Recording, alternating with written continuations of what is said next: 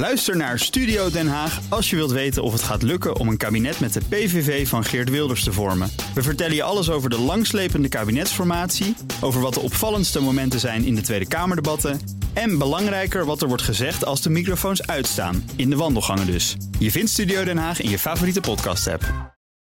Verschillende Europese landen kwamen afgelopen week met groeicijfers. Ook cijfers over de gehele eurozone in het vierde kwartaal werden gepresenteerd. Reden genoeg om daarover te praten met het eh, economenpanel in BNR Zaken doen. Bestaande uit Bert Colijns, senior econoom bij ING. Hans Stegeman, hoofd Research and Investment Strategy bij Triodos Investment Management. En Roelof Salomons, hoofdstratege bij Kempen Capital Management. Verbonden aan de Rijksuniversiteit Groningen. Allemaal correct tot nu toe. Aukje Kuipers is er ook mijn zakenpartner van vandaag. Welkom allen. Morgen. Uh, de brede vertrouwensindex is in de eurozone verder weggezakt. Economen, beleggers maken zich daar zorgen over. Bert, zijn die zorgen terecht? Ja, dat denk ik wel. Uh, we hebben eigenlijk uh, heel 2018 hebben we wat tegenvallende cijfers gezien. Elke keer een beetje minder. Leek elke keer een goed excuusje voor te verzinnen te zijn. Maar we komen nu eigenlijk op het punt aan dat we eerlijk moeten zeggen. Het gaat gewoon breed gedragen, gaat het minder. De groei is laag en lijkt steeds lager te worden. We komen dicht bij het punt aan dat we richting, uh, richting de nul gaan. In Italië is dat zo. Dus we moeten echt goed uitkijken, inderdaad, dat we niet uh, ja, richting een volgende recessie zouden gaan. Lijkt het structureel te worden, ja? Nou, dat is toch een beetje de vraag. Het is heel erg de vraag van... zijn er nou die factoren die we de afgelopen tijd gezien hebben? De Duitse auto-industrie is een goed verhaal. Een goed voorbeeld daarvan. Die hebben in het derde kwartaal hebben die problemen gehad... met uh, het productie door de nieuwe emissieregelgeving. Nou, daar zijn ze van aan het herstellen. Maar het gaat toch eigenlijk veel langzamer dan gedacht. En het punt is dus eigenlijk van... Hè, wanneer gaan we nou die, dat moment, op het moment komen... dat die groei weer aantrekt? Of is dat eigenlijk zo dat we straks in een soort van negatieve spiraal terechtkomen... waarbij bedrijven toch ja, steeds zenuwachtiger worden, minder investeren, minder mensen aannemen. En dat is toch een beetje waar we ons nou, toch wel wat zorgen om mogen maken. Roelof Salomons, kun jij nog een uh, excuus verzinnen waarom het deze keer toch ook nog misschien eenmalig is of incidenteel? Nee, ik denk dat we ook inderdaad wel door alle excuses heen zijn. In de eerste zin was het inderdaad was Duitsland, het was wat grieperige Duitsers, het was op een gegeven moment was een sterke euro, een afzwakken van de wereldeconomie. Maar wat je in de tweede helft van vorig jaar zag, is dat het ook meer binnenlands uh, begon te worden. Dus ja, dat Duitsland zwakke cijfers laat zien, Italië, nou, dat is dan kan je dan misschien nog wel afdoen als een, uh, als, een, als een bijzonder geval. Maar ook Frankrijk houdt allemaal niet over. Dus het begint de kern van Europa te worden. En dan is het denk ik wel uh, terecht dat je daar als belegger zorgen over maakt. En dus ook dat je als centrale bank even wat voorzichtiger moet gaan doen. Ja. Wat mij betreft, het is ook wel een beetje naïviteit uh, van iedereen eigenlijk. Hè? Want je, je weet dat de structurele groei ligt nou rond anderhalf voor de eurozone, misschien een tikje hoger. Uh, we groeien een tijdje harder. Ja, dan, dan moet het natuurlijk een keertje lager worden. Zeker als je tegen de grens van je uh, bezettingsgraad aan gaat lopen. Dus je, je investeringen zullen minder doorgaan. Ja, en op een gegeven moment beginnen we over de waterstanden in de Rijn te praten... als, als reden waarom het minder groeit. Nou, dan weet je dat je echt inderdaad door de excuses heen bent. Uh, alhoewel die waterstand natuurlijk wel laag was. Maar dan is er wel echt iets aan de hand, zou ik maar zeggen.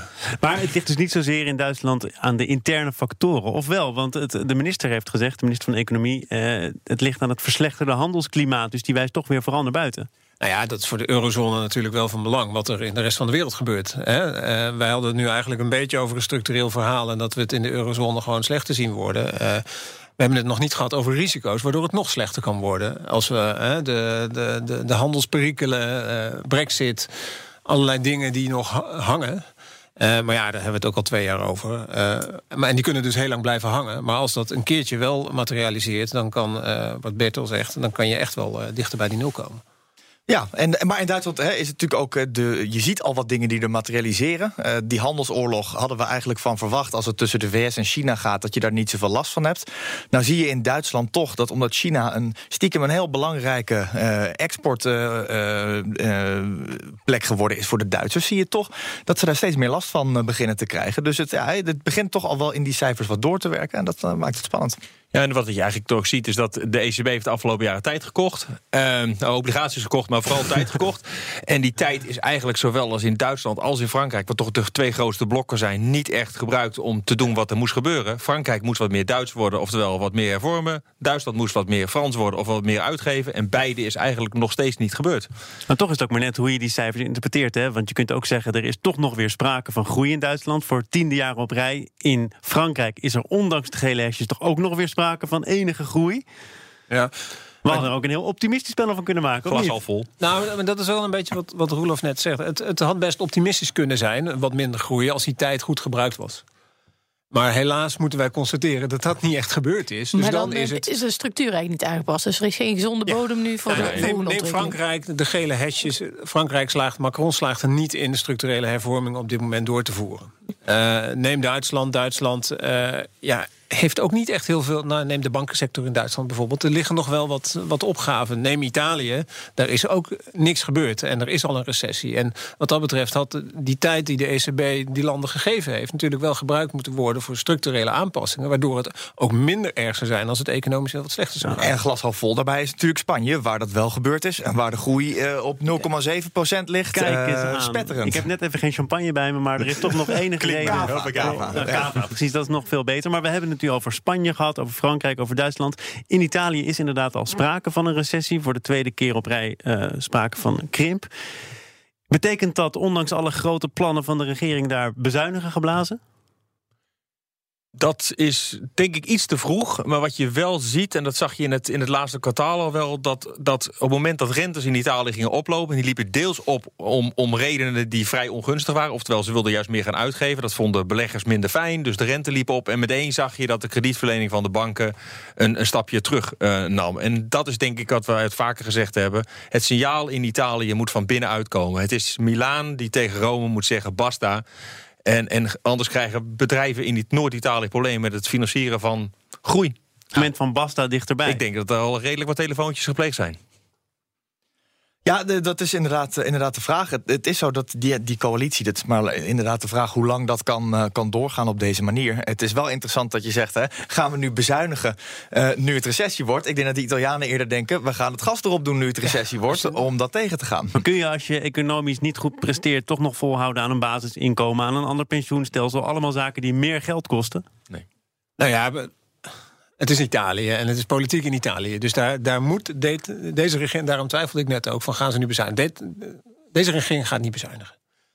Dan, dan wordt het gewoon een kabinetscrisis en dan gaan ze weer wat anders doen. Want dit is het mandaat waarmee ze gekozen zijn. En dat is natuurlijk ook een deel van het verhaal in Italië. Van die economie moet hervormd worden, dus er moet een basisinkomen eh, komen en mensen moeten meer uit kunnen geven. Dat is het, het mantra in Italië. Maar volgens En- mij was het idee, je mag best wel wat meer uitgeven... Ja, als dat uiteindelijk nee. op de langere termijn zorgt... voor economische veranderingen, dat is het economische mantra groei. van Europa. Maar ik zei net ook al over die andere landen. Daar is het ook niet gebeurd eigenlijk. En wij blijven natuurlijk heel hard tegen Italië zeggen... dat ze structureel moeten gaan hervormen. Maar dit, dit kabinet in Italië gaat het volgens mij niet doen.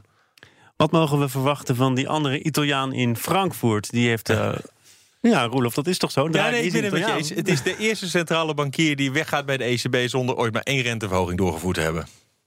Waarschijnlijk. Ja. Waarschijnlijk. Ja, nou, die durf ik al aan. Die En, hij vertrekt eh, later dit jaar, oktober, Oktober, ja. november. Ehm, en eh, hij heeft ook al gezegd nu, eh, voor het eerst eigenlijk... dat het economisch wat minder gaat. Dat er sprake is van eh, tegenwind. Maar ook heeft hij gezegd dat de ECB niet zonder benzine zit. Hè. Ook als je die rente heel laag houdt... dan zit er nog voldoende in de gereedschapskist. Voldoende andere instrumenten om ervoor te zorgen... dat dat toch weer een beetje aan de praat raakt. Dat zou ik ook zeggen als ik eh, centraal bankier was. Ja. Maar je hebt geen das aan, dus je bepaalt niet het eh, beleid daar in de ECB. Nee, dat klopt. Dat klopt. Maar wa- waar zou die op kunnen doelen? Nou, hij, hij heeft eh, eh, eh, nog aangegeven dat eh, QE kan zomaar weer opnieuw beginnen. Het Eh, opkoopprogramma. Het opkoopprogramma van obligaties waar we eigenlijk net mee gestopt zijn in december. Eh, daar kan een, eh, een doorstart aan gegeven worden. Eh, hè, dat, zijn, dat zijn de dingen waar hij het dan over heeft. Als je het naar de, over de rente hebt, ja, dat is natuurlijk het grote probleem wat Draghi heeft. Want daar kan je niet zo heel veel meer mee doen. Als je al op min 0,4 staat, mocht eh, het nou inderdaad fix misgaan op een gegeven moment, dan is dat natuurlijk lastig. En je moet om markten vertrouwen te geven, moet je natuurlijk zeggen dat je gereedschapskist overvol zit. Eh, maar je belangrijkste instrument, ja, dat ben je toch erg kwijtgeraakt eh, de afgelopen tijd. Ja. Zien jullie nog eh, konijnen in de gereedschapskist om twee spreekwoorden met elkaar te combineren? Kon- eh, Ik zit me die gereedschapskist voor te stellen. Die dicht zit er een dood konijn in. En dat is volgens mij een beetje wat Draghi ook gaat vinden. Hè? Dan kijkt hij in die gereedschapskist en dan... We weten niet... Ja, ja goed. Monetaire verruiming heeft wellicht wat opgeleverd. Maar hoeveel weten we niet eens. Dus je kan er wel weer verder mee gaan. Ja, je kan altijd nog overgaan op monetaire financiering. En, en, en Draghi weet het zelf natuurlijk eigenlijk ook. Hè? Want in, in, elke speech die hij geeft tegenwoordig... is de helft van die speech gaat eigenlijk over... er moet hervormd worden, hervormd worden, hervormd worden. En we moeten ons aan de begrotingsregels houden. Doe dat nou alsjeblieft. En dat zegt hij natuurlijk omdat hij weet... dat hij zelf ook niet zo heel veel meer over heeft. Nee, maar hij heeft geen, uh, uh, hij heeft geen stok om mee te slaan heeft een dood konijn. Ja. ja. nou ja, op zich, kijk, als de rente omhoog gaat, dan weet je dat er hervormingen gaan komen. Want dan, dan loopt de druk op en dan hebben mensen, de, dan moet je. Um, nu heb je de tijd gekocht, is het niet gebeurd. Ja, en dan? Dan kun je wel dreigen. Maar ja, je, iedereen weet dat hij toch niet de rente gaat verhogen om hervorming af te dwingen.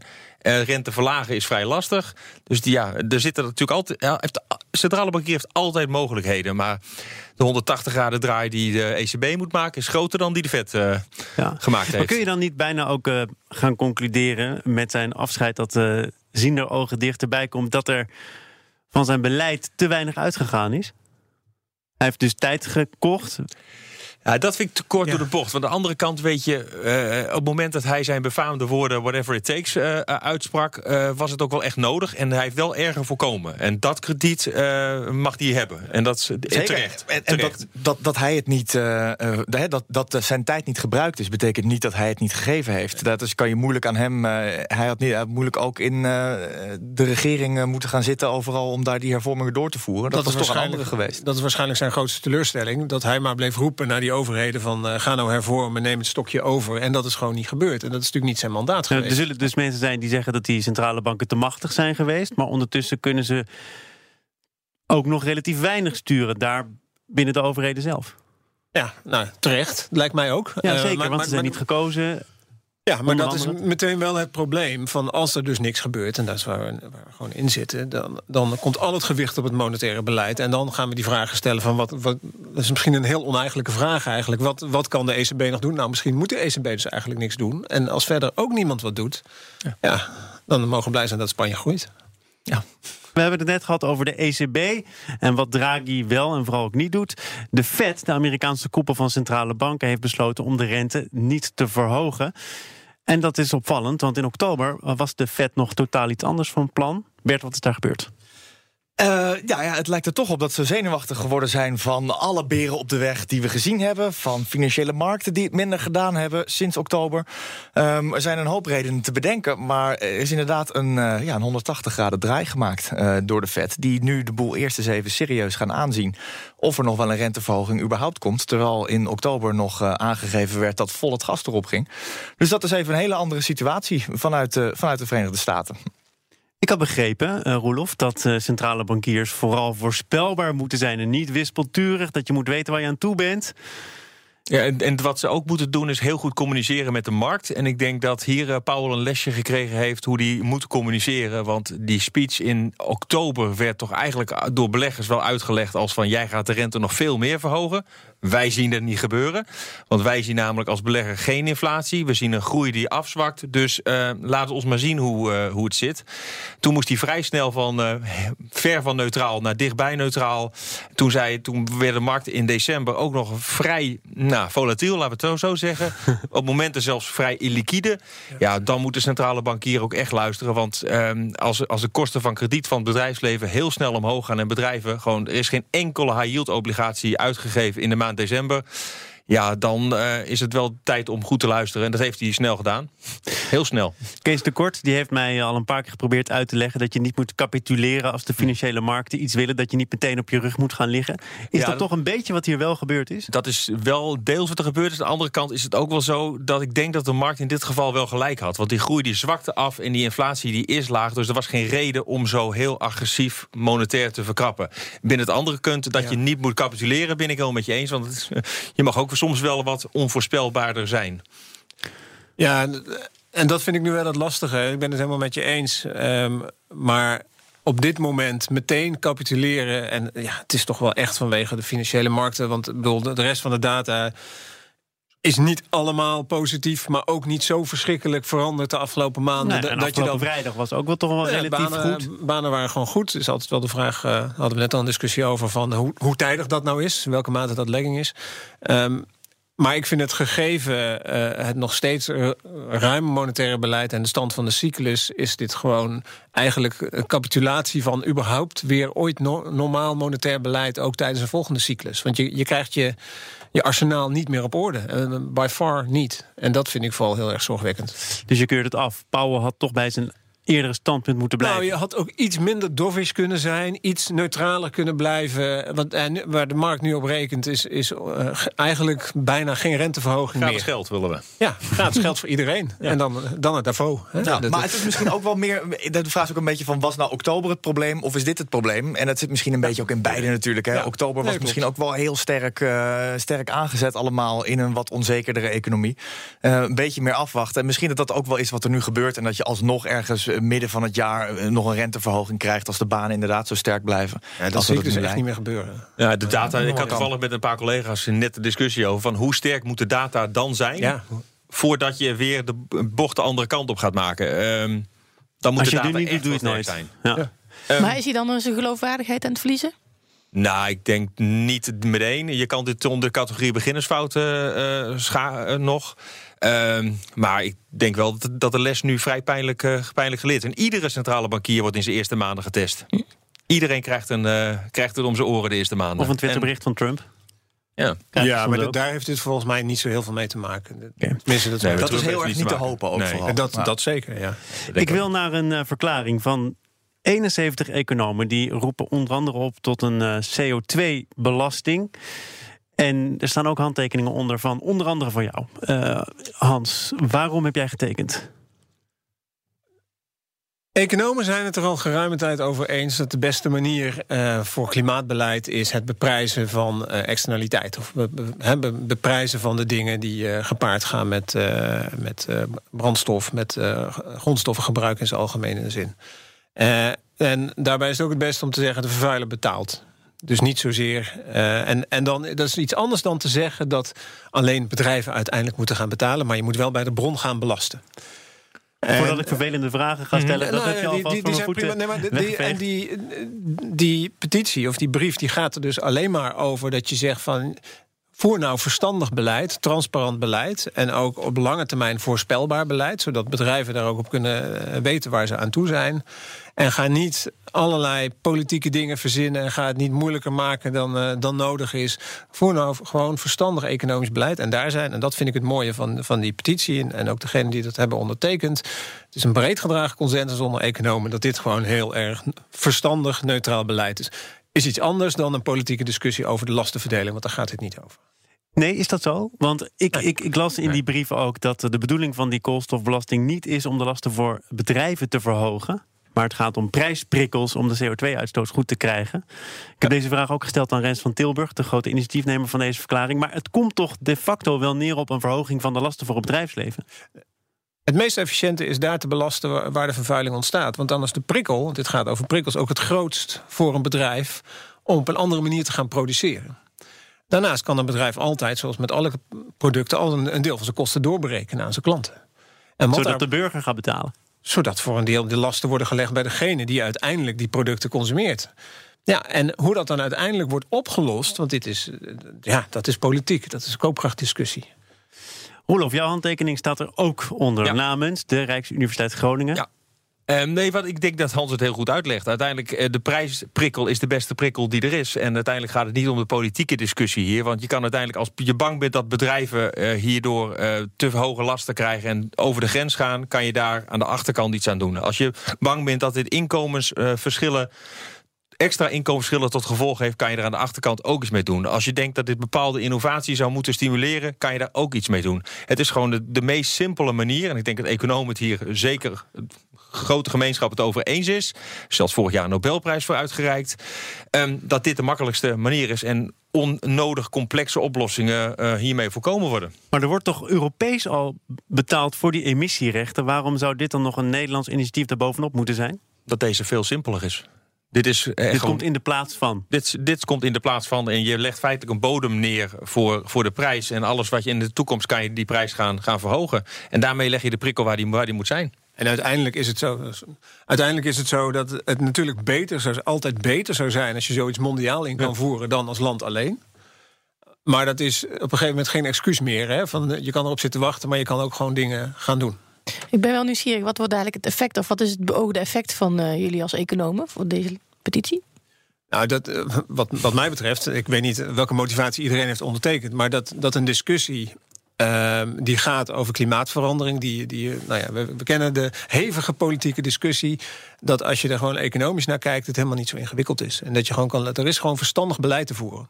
En een nuance die denk ik wel belangrijk is, wel, je moet natuurlijk, je kan een voortrekkersrol nemen, maar je moet wel uitkijken dat je niet vijf stappen voor de voor de rest uit gaat lopen. En daarom ook de nuance die weer in de brief ook duidelijk staat van maak een begin, maak het niet te, heel, te extreem meteen in het begin, maar ga er langzaam mee, mee door. Ja, dan heb je, krijg je hopelijk ook een heleboel mensen mee. Ga er snel vrienden mee zoeken, inderdaad. Dat is natuurlijk heel belangrijk. Uh, hoe meer je dit uitbreidt, hoe, uh, ja, hoe, hoe beter dat, dat uiteindelijk werkt en ook hoe beter het voor, voor Nederland uiteindelijk is. Ja, toch is dit uiteindelijk wel ook een politiek vraagstuk. Misschien wel met name een politiek vraagstuk. Denk jij, Hans, dat deze gezamenlijke verklaring van economen het politieke debat ook deze week in de Tweede Kamer gaat beïnvloeden?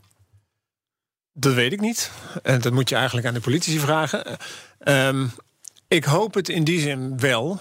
Um, dat de, een aantal van die vragen die telkens worden gesteld als. Je moet dingen scheiden. Wat is effectief beleid tegen uh, carbonemissies versus wat is koopkrachtbeleid, lasten? En, en dat is een politieke discussie. En ik hoop dat ze dat gaan snappen. Goed, dank voor jullie aanwezigheid in het uh, economenpanel deze week. Hans Tegenman, hoofd Research en Investment Strategy bij Triodos. Bert Colijn, senior econoom bij ING. En Roelof Salomons van Kempen, hoofdstratege daar. Capital Management en verbonden aan de Rijksuniversiteit Groningen. En een speciale dank aan de debutant, Aukje Kuipers. Bedankt. Bij BNR ben je altijd als eerste op de hoogte van het laatste nieuws. Luister dagelijks live via internet. Bas van Werven. En heel langzaam komt de zon op rond dit tijdstip. Je krijgt inzicht in de dag die komt op BNR, het Binnenhof in Nederland en de rest van de wereld. De Ochtendspits. Voor de beste start van je werkdag. Blijf scherp en mis niets.